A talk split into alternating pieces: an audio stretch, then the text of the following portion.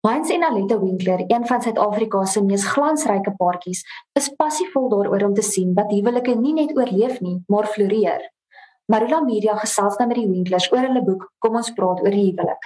So byna een uit elke 5 huwelike eindig in 'n egskeiding en dan is daar ook diegene wat die saamleefreëling voor staan en miskien na die huweliksertifikaat as net 'n stuk papier verwys. En in die lig hiervan wil ek graag by julle hoor, waarom is dit steeds belangrik om te trou? Die goed wat jy noem, wat jy wat jy nou sê in die lig van is die verwronge beeld wat die wêreld het van die huwelik wat ongelukkig sy pad gevind het in die geloofsgemeenskap in mense wat sê hulle is Christene maar hierdie beginsels uitleef en ondersteun en selfs aanmoedig het veroorsaak dat dinge nie op 'n gesonde plek is nie. So ek sou sê dat huwelik volgens God se woord is nog steeds die regte manier en die beste manier vir ons om in huwelik te staan. So dis hoe ek jou vraag sou beantwoord is om te sê ja, maar volgens God se manier. Nie volgens die wêreld se manier nie. Want die wêreld dink ja, dis net 'n stukkie papier, maar dit is glad nie hoe God dit sien nie. God sien dit as 'n verbondsverhouding wat daar is vir die res van jou lewe. En 'n verbond is baie anders as 'n kontrak. En ek dink die belangrikheid van die huwelik as die hoeksteen van die samelewing, die mensdom bestaan tog uit families en families is tog gebaseer uit 'n huwelik met kinders.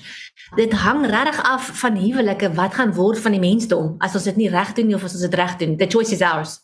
Die hele boek, kom ons praat oor die huwelik het onlangs by Lux Werby verskyn en die boek, dit is ook waar ons vandag gesels gesels en die boek is ingedeel volgens temas en hoofstukke. Kan jy dalk in 'n metodop vertel hoe jy hierdie temas gekies het en waarom dit belangrik is om daaroor te skryf? Die rede daarvoor is dat ons het ervaar in ons eie lewe en na aanleiding van 'n aanlyn seminaar wat ons tydens die Grendeltyd gedoen het dat hierdie is die grootste onderwerpe wat meeste mense se huwelike wat uitdagings is in meeste huwelike. En as jy hierdie goeters kan aanspreek en uitsorteer dan kan jou huwelik op 'n baie beter plek wees. Maar jy sal sien die hoofstukke, die onderwerpe wat ons van praat soos byvoorbeeld intimiteit en seks, kommunikasie, skoonouers, ouerskap, al die goeders, ons begin eers om te praat oor wat is jou fondasie, jou geloofsfondasie? En het jy met jou issues van jou verlede gedeel? Want dit help nie jy praat oor hierdie spesifieke onderwerpe as jy nie 'n wedergebore Christen is wat dinge op God se manier wil doen en dan ook met jou seer van die verlede ten minste begin 'n pad stap het van genesing nie. So daarom dis baie belangrik die konteks van die boek is spesifiek so ontwerp dat ons mense help van daai oogpunt af ja. Wat het julle van kort geleer tydens hierdie skryfproses? Ek het net meer en meer agtergekom dat die Here regtig 'n plan het met ons huwelik en dat ons bymekaar gevoeg is vir 'n rede wat groter is as wat ons kan imagine. En dat en dit is van toepassing op elke huwelik. Dis nie net ons nie. Elke huwelik het 'n doel, het 'n het 'n rede vir hulle bestaan, 'n rede mm. vir die koppel, vir alles vir al natuurlik 'n godly huwelik waar God gesê het hierdie is my hierdie is jou man en hierdie is jou vrou. So dit was vir ons ongelooflik lekker om saam te werk. Alhoewel ons nie noodwendig saam gewerk het nie. Hy daar gesit en skryf en ek het hier gesit en skryf en ons het dit eintlik net dit het so half bo natuurlik by mekaar uitgekom. Maar ja, ek dink dit is baie bevredigend om te weet dat dat ons huwelik kan mense inspireer en kan mense help in ons stories want ons skryf nie uit 'n plek vir ons het dit gemaak nie en ons is perfek nie want daar's nie 'n manier nie. Niemand is perfek nie en niemand het dit al gemaak nie. Ons leer die hele tyd, maar ons ek dink die groei wat ons al ervaar het in ons huwelik waar ons kon deel met staf en nou my uit 'n plek van waarheid en van ons het oorwinning oor sekere areas gekry vir mense kan leer da mm. daardeur is baie lekker. Dit is regtig rewarding as ek daai lelike Engelse woord kan gebruik. ons het 'n baie sterk passie wat jy net kan beskryf as iets wat God in ons harte geplant het om te sien dat huwelike goed doen, nie net oorleef nie, maar floreer. En mm. so dit is uit daai plek uit wat ons dit geskryf het. So dit was dit was 'n passie projek vir mm. ons en dit was lekker om dit te doen en eh, weet dit het ontwikkel oor 'n paar jaar die die die inhoud wat jy in die boek sien het het hmm. ontwikkel oor 'n paar jaar en ons het dit al toegepas hmm. uh, op seminare en dan ook die aanlyn seminar en direkte vrae gekry van waarmee mense regtig worstel hmm. en kan sien hoe die inhoud huwelike al gehelp het as mense dit vat en dit toepas. Dit is die mm. ding. Dit help nie jy lees in die boek en dit is net nog 'n boek nie. Dit is soos jy you have to actually apply these things en dan sal 'n verandering kom. Ja. Ons het nou verwys na die seminaar en dit is juis uit hierdie huwelikseminare wat julle in tydens die COVID-19 pandemie inperkingstyd aangebied het dat hierdie boek dan nou die lig gesien het. Is dit reg? Hmm. Ja, hulle het gehoor van die seminaar. Ons het twee aangebied. Die eerste een het oor 1000 mense gehad en dit uh, is soos 530 kappels wat ingeskryf en toe die tweede een het ons so 380 kappel inskrywings gehad. So dit was noemenswaardige syfers en die die impak was amazing. Uh, Veral omdat ons dit aanlyn kon doen. So ons was baie dankbaar en hulle het gehoor of van en toe vir ons gesê, "Hey, kan julle kan julle hierdie in 'n boek verander?" en dis ons baie dankbaar want ons wil uiteraard hê soveel as moontlik mense moet hierdie dinge hoor en soveel as moontlik huwelike moet positief beïnvloed word daardeur. Ouerskap is een van die onderwerpe waaroor jy skryf in die boek en die vraag wat ek vir julle het is, is die huwelik en ouerskap altyd sinoniem met mekaar?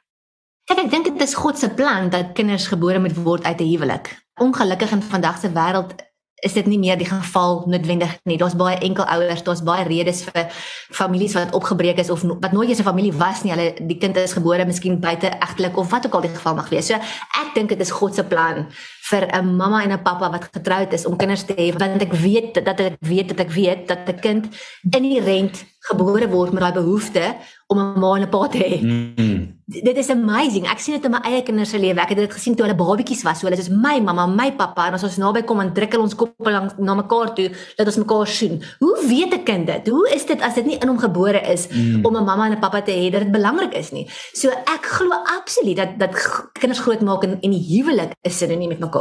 Dit is hartverskeurende om te sien dat dit nie meer die norm is nie. Dat dit nie dat dit nie 'n kind se se realiteit wel meeste kinders se realiteit is dat daar 'n pappa en 'n mamma by die huis is wat die Here dien en wat lief is vir mekaar nie.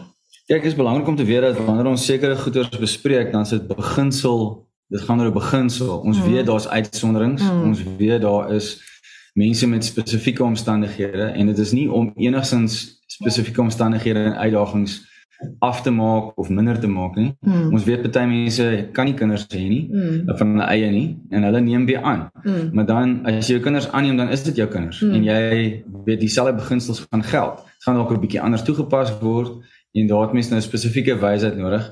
Maar in so 'n boek is dit onmoontlik om elke liewe scenario mm. in detail aan te spreek. So ons raad en advies kom met ons eie ervaring gebaseer op beginsels, gebaseer mm. op die woord van God. Mm ek dink is nader aan die einde van die boek. Het julle dit ook so genoem? Jy weet mense kan nie al die scenario's hmm. bespreek nie. Jy kan net uit julle ervaring uit skryf en praat. Ja.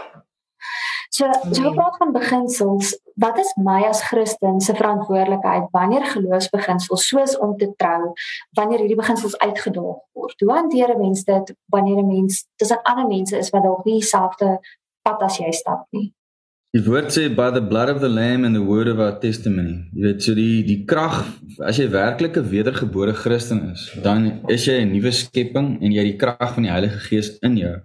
En dan as 'n mens praat met mense wat nie dieselfde glo nie en jy praat uit jou getuienis uit, dan kan niemand dit van jou wegneem nie. En as jy dit met liefde doen, die woord sê be as gentle as a dove and as wise as a serpent as jy met ongelowiges praat en jy deel net jou storie uit 'n plek van liefde en jy's dis wat die Here in ons lewe en ons huwelik gedoen het dan daai mense moet maak met daai inligting wat hulle wil. Die Heilige Gees sal die oortuiging bring wanneer die tyd reg is. So ja dis dis wat ek dink oor daai. Ek ek dink ek verstaan jou vraag effe anders maar ek ek dink is jy getroud Christa?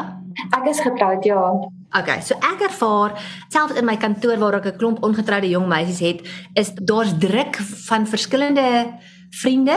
Party het 'n amazing oortuiging van ek gaan rein bly en ek gaan myself bewaar vir my man. En dan is daar van hulle wat sê almal doen dit, almal bly saam, almal jy so hulle weet wat is die waarheid, maar die wêreld het so 'n manier gekry om Mm. jouself om om om in die leen van die vyand wat sê dis oukei, okay, dis goedkoper om saam te bly.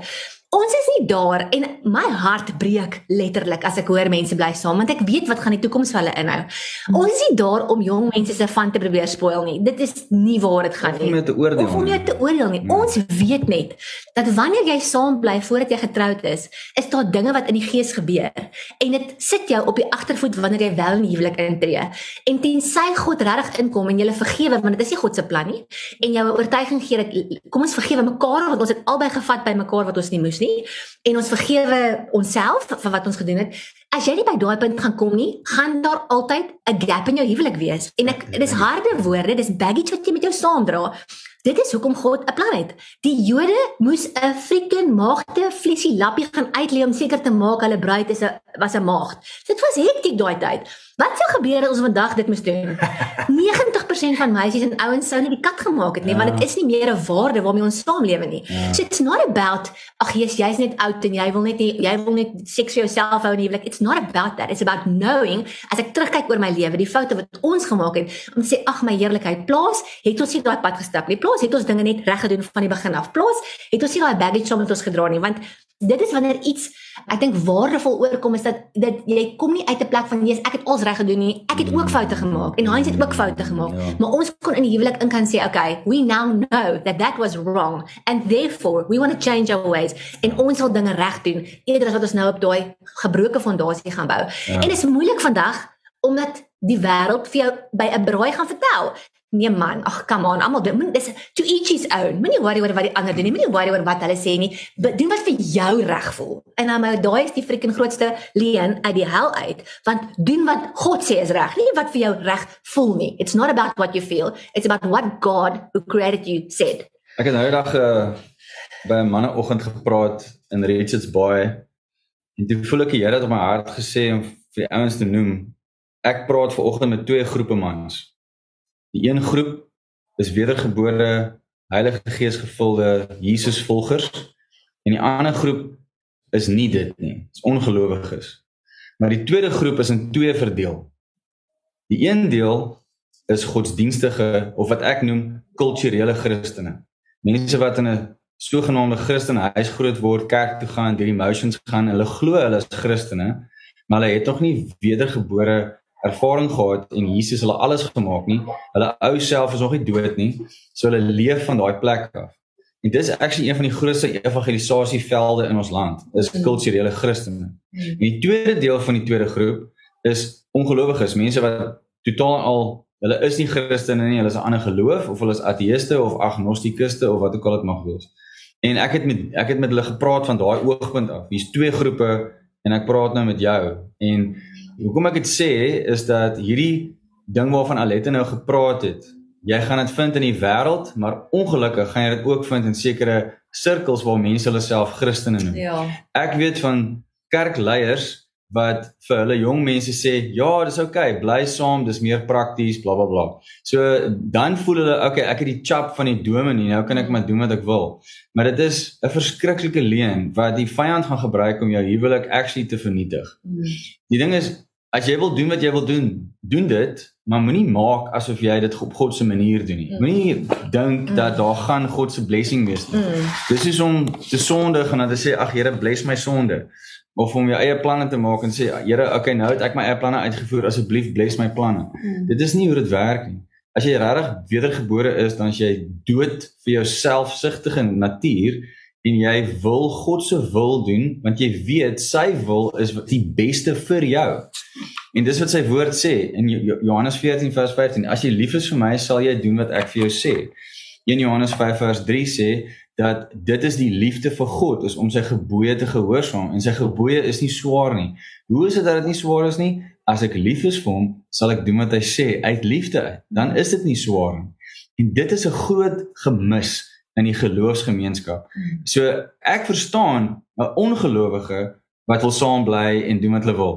Maar ek het 'n massive issue met iemand wat homself of haarself 'n Christen noem en hierdie goeders probeer verskoon Mm. sodat hulle kan doen wat hulle wil.